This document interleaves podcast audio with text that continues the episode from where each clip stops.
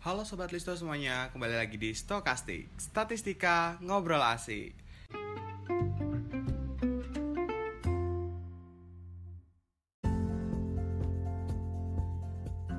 Nah, di episode kali ini bakal dipandu oleh aku, Ravelino Dan aku punya partner baru nih Boleh kenalan dong? Halo so- sobat Listo semuanya, kenalin aku Jovita dari Statistika 22. Nah, kali ini kita berdua yang akan memandu episode kelima kali ini. Dan kira-kira ada yang tahu nggak nih siapa guest kita di episode yang kelima ini? Waduh, siapa tuh ya? Pada penasaran nggak nih kira-kira? Ada yang ya? bisa nebak nggak nih kira-kira? Atau ada yang udah tahu gitu ya? Oke, mungkin bisa langsung kasih tahu aja Vel nih. Oke, tanpa berlama-lama langsung aja kita sambut guest kita di episode 5 kali ini ada Kak Meta. Halo Kak Meta, apa kabar? Halo Rafael dan Jovita, kabar baik, alhamdulillah. Oke, mungkin uh, boleh kenalan lagi ya Kak. Barangkali ada sobat Listo yang angkatan baru nih, angkatan Angkatan 2023 yang, yang belum kenal mungkin sama ya, Kak Meta belum pernah ya. ketemu juga sama Kak Meta. Silahkan Kak, boleh berkenalan. Oh iya, belum pernah ketemu sih jelas ya. Teman-teman 20 aja waktu itu online juga belum pernah ketemu sama sekali tuh teman-teman. Baru ketemunya di akhir-akhir. Eh, salam kenal buat teman-teman yang mendengarkan podcast kebanggaan PSDM ini. Aku Meta. Sekarang sih alhamdulillah udah alumni ya, tapi uh, aku ada di angkatan 19, jadi belum jauh-jauh amat lah ya sama teman-teman setelah 23. Cuma nggak ketemu aja. Eh, itu aja kali ya. Oke. Oke, boleh. Salam kenal nih ya buat Kak Meta ya. Oke, ba- uh, kalau boleh tahu nih Kak, apa sih kesibukan Kak Meta setelah lul- lulus banget dari UB gitu kan? Dari Statistika UB ya, Iya. Vel ya. Eh, seperti fresh graduate pada umumnya ya, sibuk apply-apply di kerjaan atau intern yang kayak gitu-gitu. Karena kebetulan aku juga bukan eh, anak MBKM ya, jadi belum pernah merasakan magang yang beneran magang kerja gitu. Eh, apply-apply terus sempet ya ada freelance lah sama salah satu bilangnya apa ya?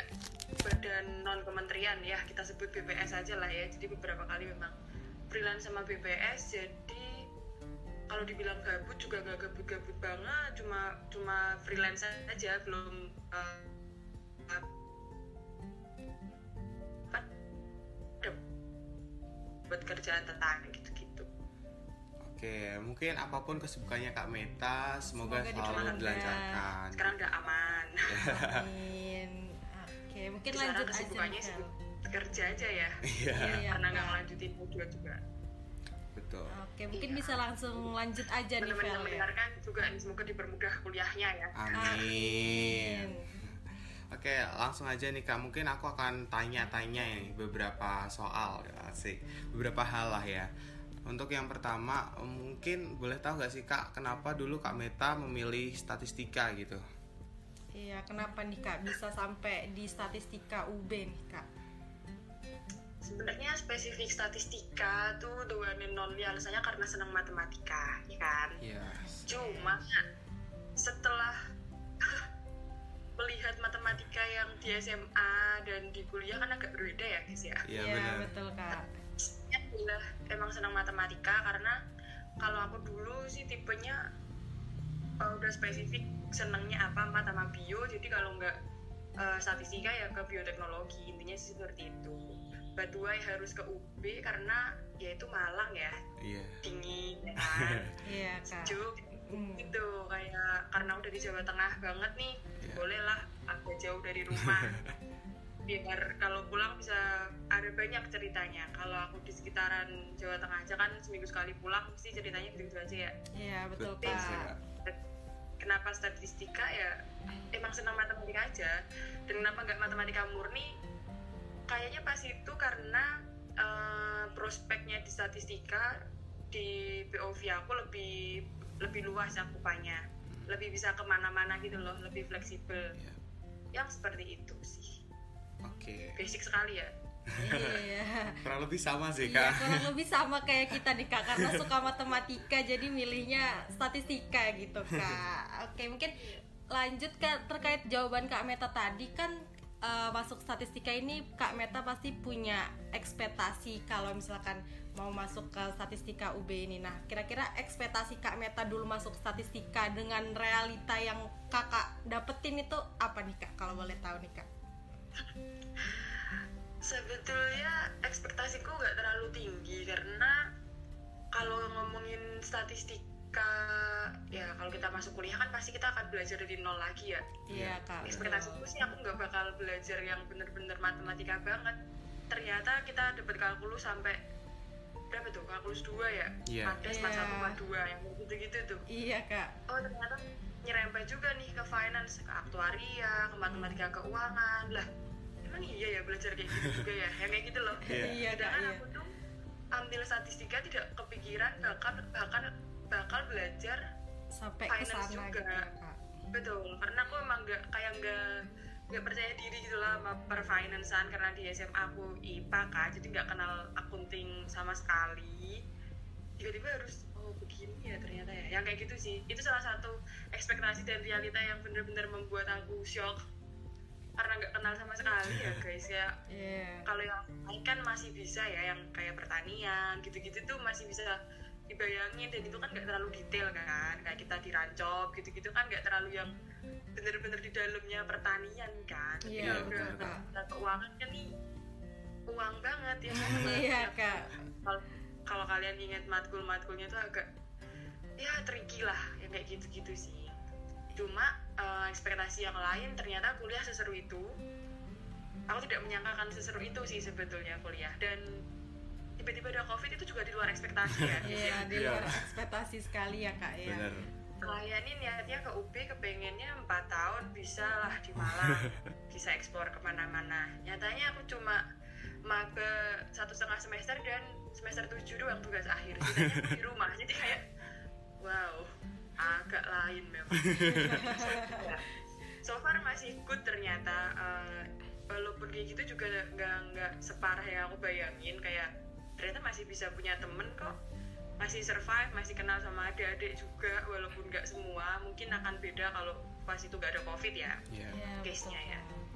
Tapi balik lagi nggak keadaannya yang salah tinggal kita aja yang menyesuaikan ya kan Yep. jadi aman Iya, sih ya. betul betul.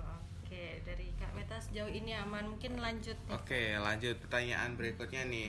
Kan selama tiga setengah tahun ya kak kuliah, Eh, mungkin ada nggak sih pengalaman-pengalaman yang mungkin terbesit di benak kak Meta sendiri yang masih terkenang sampai sekarang gitu? Iya, boleh di spill nih Kak. sebetulnya kalau aku harus mengingat-ingat ya yang paling aku ingat adalah ospek jurusan Ya, ospek jurusan kalau offline kan kita emang sangat pagi-pagi sekali ya Iya. Iya, Pas betul Kak. datangnya literally kepagian jadi panitia baru mau briefing itu aku udah datang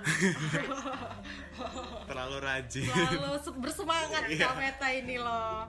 gitu. jadi aku bisa membayangkan betapa kikuknya panitia jauh gitu kan yang kayak kelihatan banget ini maba start dari identitasnya kan Iya. Kak. waduh kakak-kakak ternyata lagi mau briefing Iya, tapi Kak Meta sudah datang. Ya. iya kayak mohon maaf ya kakak-kakak yang nggak expect juga tuh ternyata mereka lagi briefing ternyata aku sepagi itu dan setelah itu pas di panitia baru deh mulai dibahas sama kating-kating ternyata aku sangat-sangat berpengaruh di evaluasi mereka ya. Yang datang pas eh, panitianya lagi briefing. Ya itu sih yang paling yang paling membekas ya. Kalau diinget-ingat di zaman maba terus kalau kayak kuliah online ya siapa sih yang nggak merasa jenuh ya kuliah Iya, Iya, online jenuh banget Kak. Kayak Iya kita nggak bisa dibilang tuh kayak mau dapetin sesuatu tuh juga sulit dari online Iya. gitu kan. Apalagi kuliah. Jadi kayak pada akhirnya ternyata kalau aku pribadi dari kuliah online itu justru bikin aku deket sama teman-temanku kayak karena aku nggak paham jadi aku harus tanya ke siapa yang kayak gitu loh. Iya. secara nggak langsung kayak gitu. Mm. itu tipis-tipis yang barangkali itu nggak nggak nggak nggak secara langsung eh, kerasa ya. Tapi pas di tugas akhir kayak gitu tuh baru kerasa. Ternyata pas ketemu di semester 7 sama teman-teman juga masih kenal. Masih yang masih yang ya kalau butuh bantuan bisa ngobrol yang kayak gitu-gitu loh. Iya. Iya, bisa ngobrol.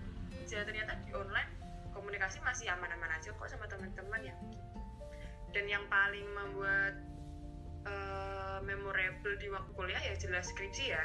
Iya. Walaupun, eh, case-nya mungkin beda karena aku lulusnya di tiga setengah tahun. Pasti aku sangat terkejar karena deadline ya kan. Deadline bisa lulus tiga setengah ya. Kan. jadi eh, di saat teman-teman yang lain kayak ada spare waktu untuk santai ya kayak gitu tim tiga setengah tahun udah nggak sempet karena setelah tak Iya. inget-inget tuh aku skripsian bener-bener cuma dua atau tiga bulan deh itu kayak Wah, Iya, keren banget Vel. Satset banget. Sangat satset satset nih Kak Meta nih kayaknya nih.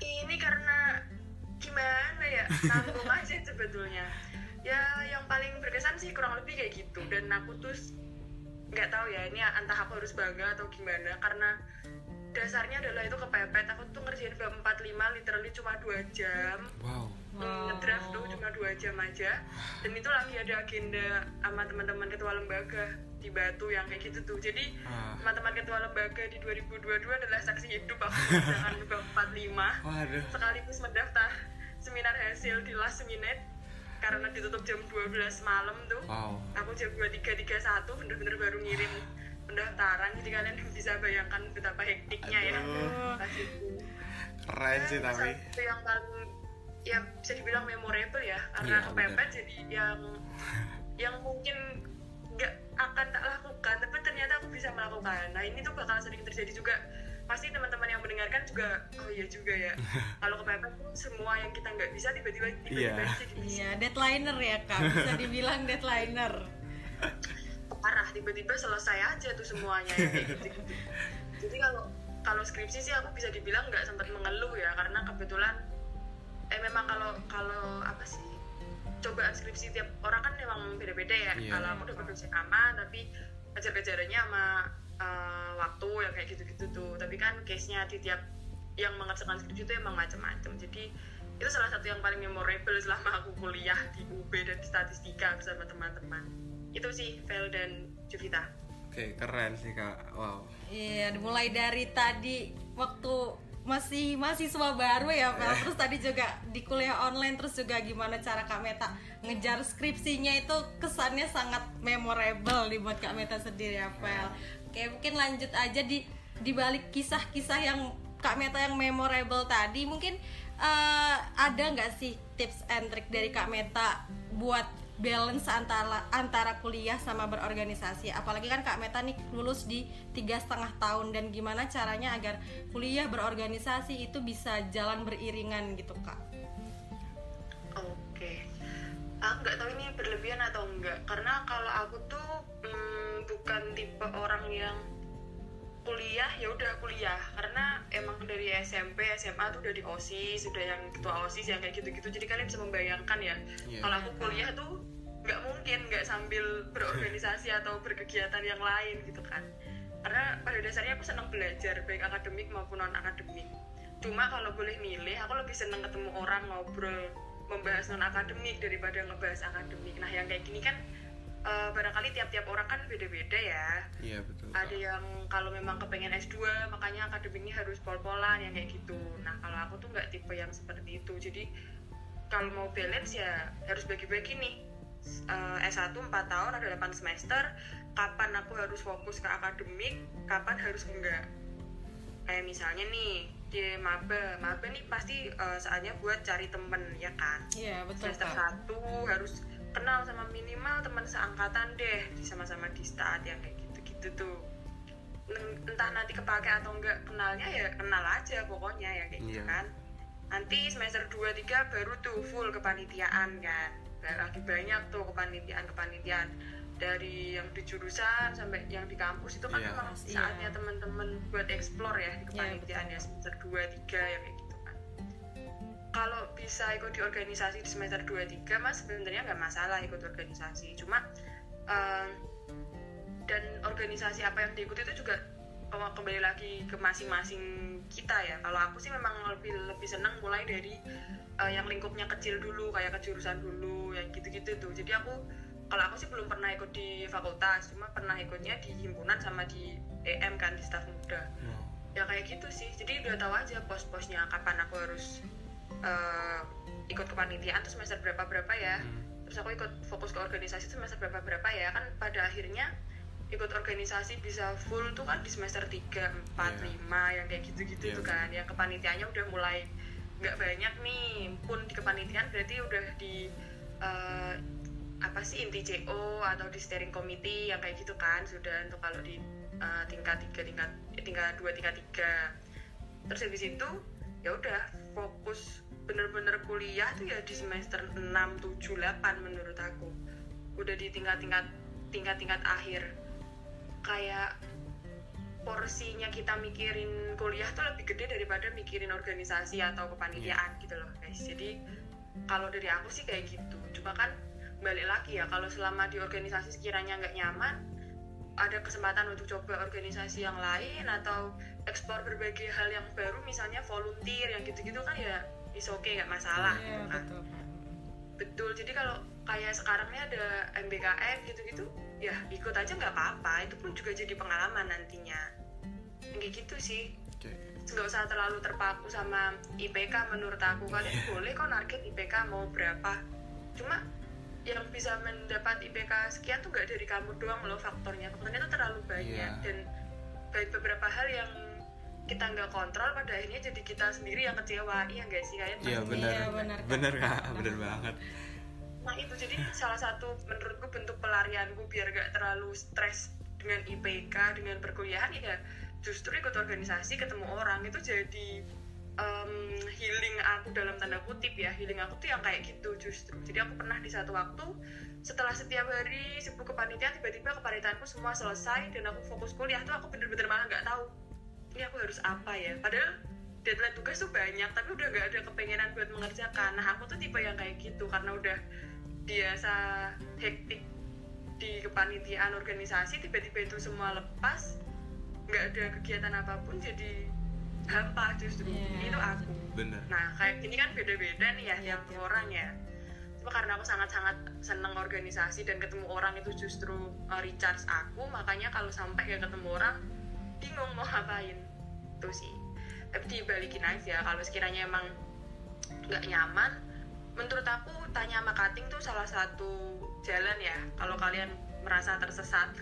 Iya gak sih? Ya aku nanya apa ya ke cutting ya aku yang kayak gitu juga. Jadi uh, even cuma mau pilih mata kuliah pilihan tuh aku harus nanya ke cutting karena ya Iya. mereka pasti lebih tahu kan mana mata kuliah yang sekiranya aku bisa mana yang masih bisa aku pelajari mana yang belas sama sekali nggak bisa ya gitu kan.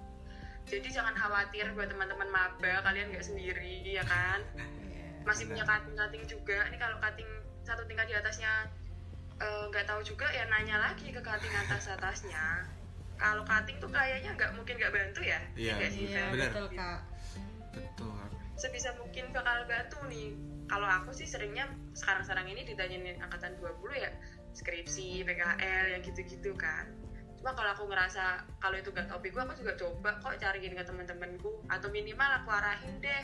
Di SS ada kok leadcon kalau kalau mau cek ke sana coba deh dicek dulu nanti kalau ternyata nggak ada baru aku kontak ke teman-teman SS ini ada yang nyari ini tapi kok nggak ada? Nah yang kayak gitu-gitu loh. Iya. jadi sebisa mungkin sih kalau cutting akan mengusahakan untuk membantu. Jadi teman-teman nggak usah khawatir aja. Itu.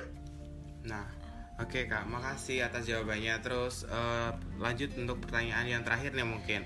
Eh, setelah lulus kuliah nih kak, eh, seberapa penting sih ilmu yang kakak dapetin selama menjadi mahasiswa statistika? Kan kata dosen itu statistika adalah dasar dari segala ilmu nih kak.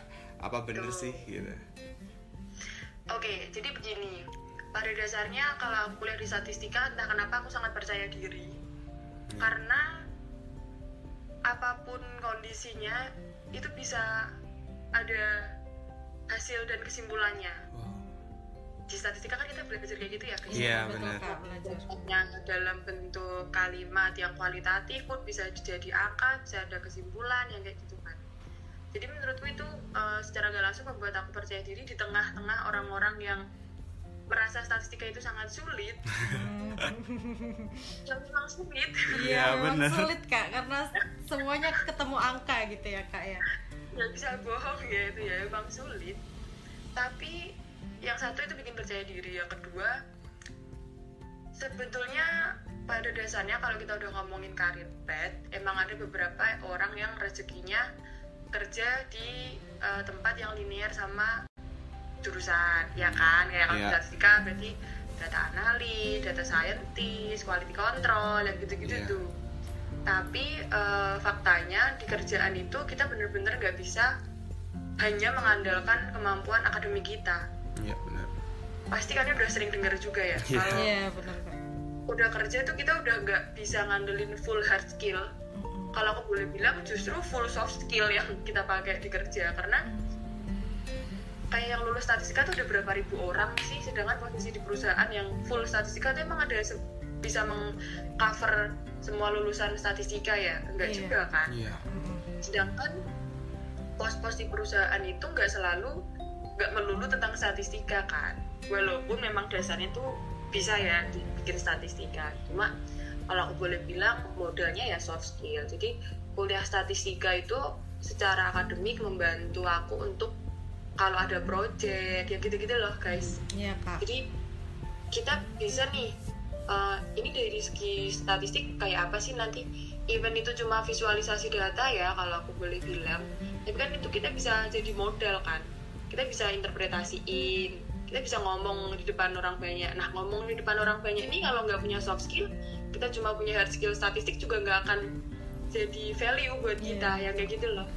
Ini yang uh, selalu aku bilang bahwa seambis-ambisnya kamu di akademik better harus diimbangi sama soft skill. Entah apa pun itu. Nggak harus kok leadership nggak harus kok jadi eh, apa pimpinan itu nggak harus. Soft skill tuh bisa didapetin di posisi mana pun di level mana pun tuh akan dapat soft skillnya.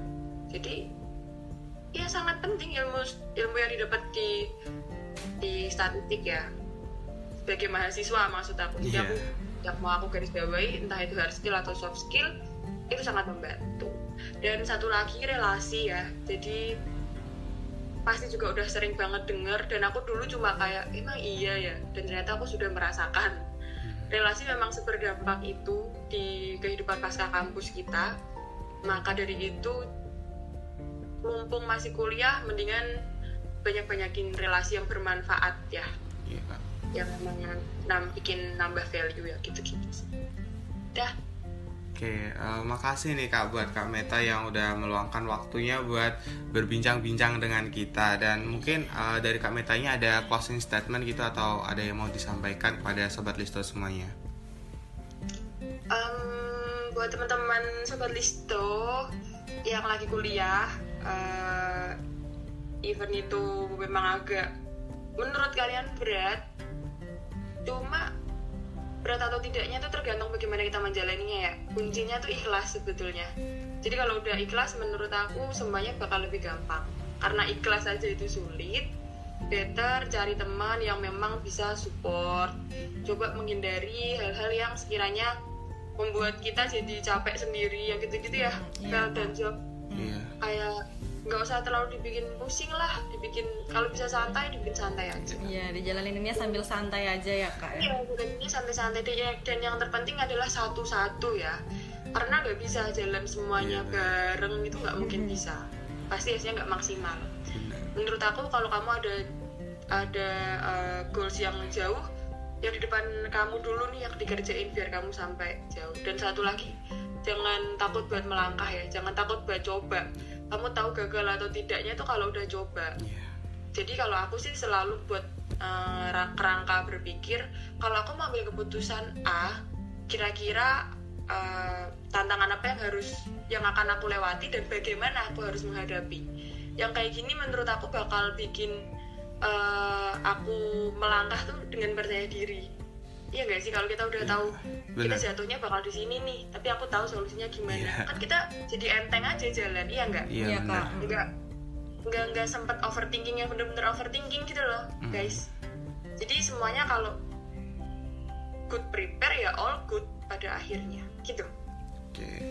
Oke terima kasih banyak kepada kak Meta. Mungkin kata-kata kak Meta tadi juga tamparan buat diri kita sendiri ya Vel ya Mempersiapkan kuliah ini dengan baik juga buat ke depannya gitu kak.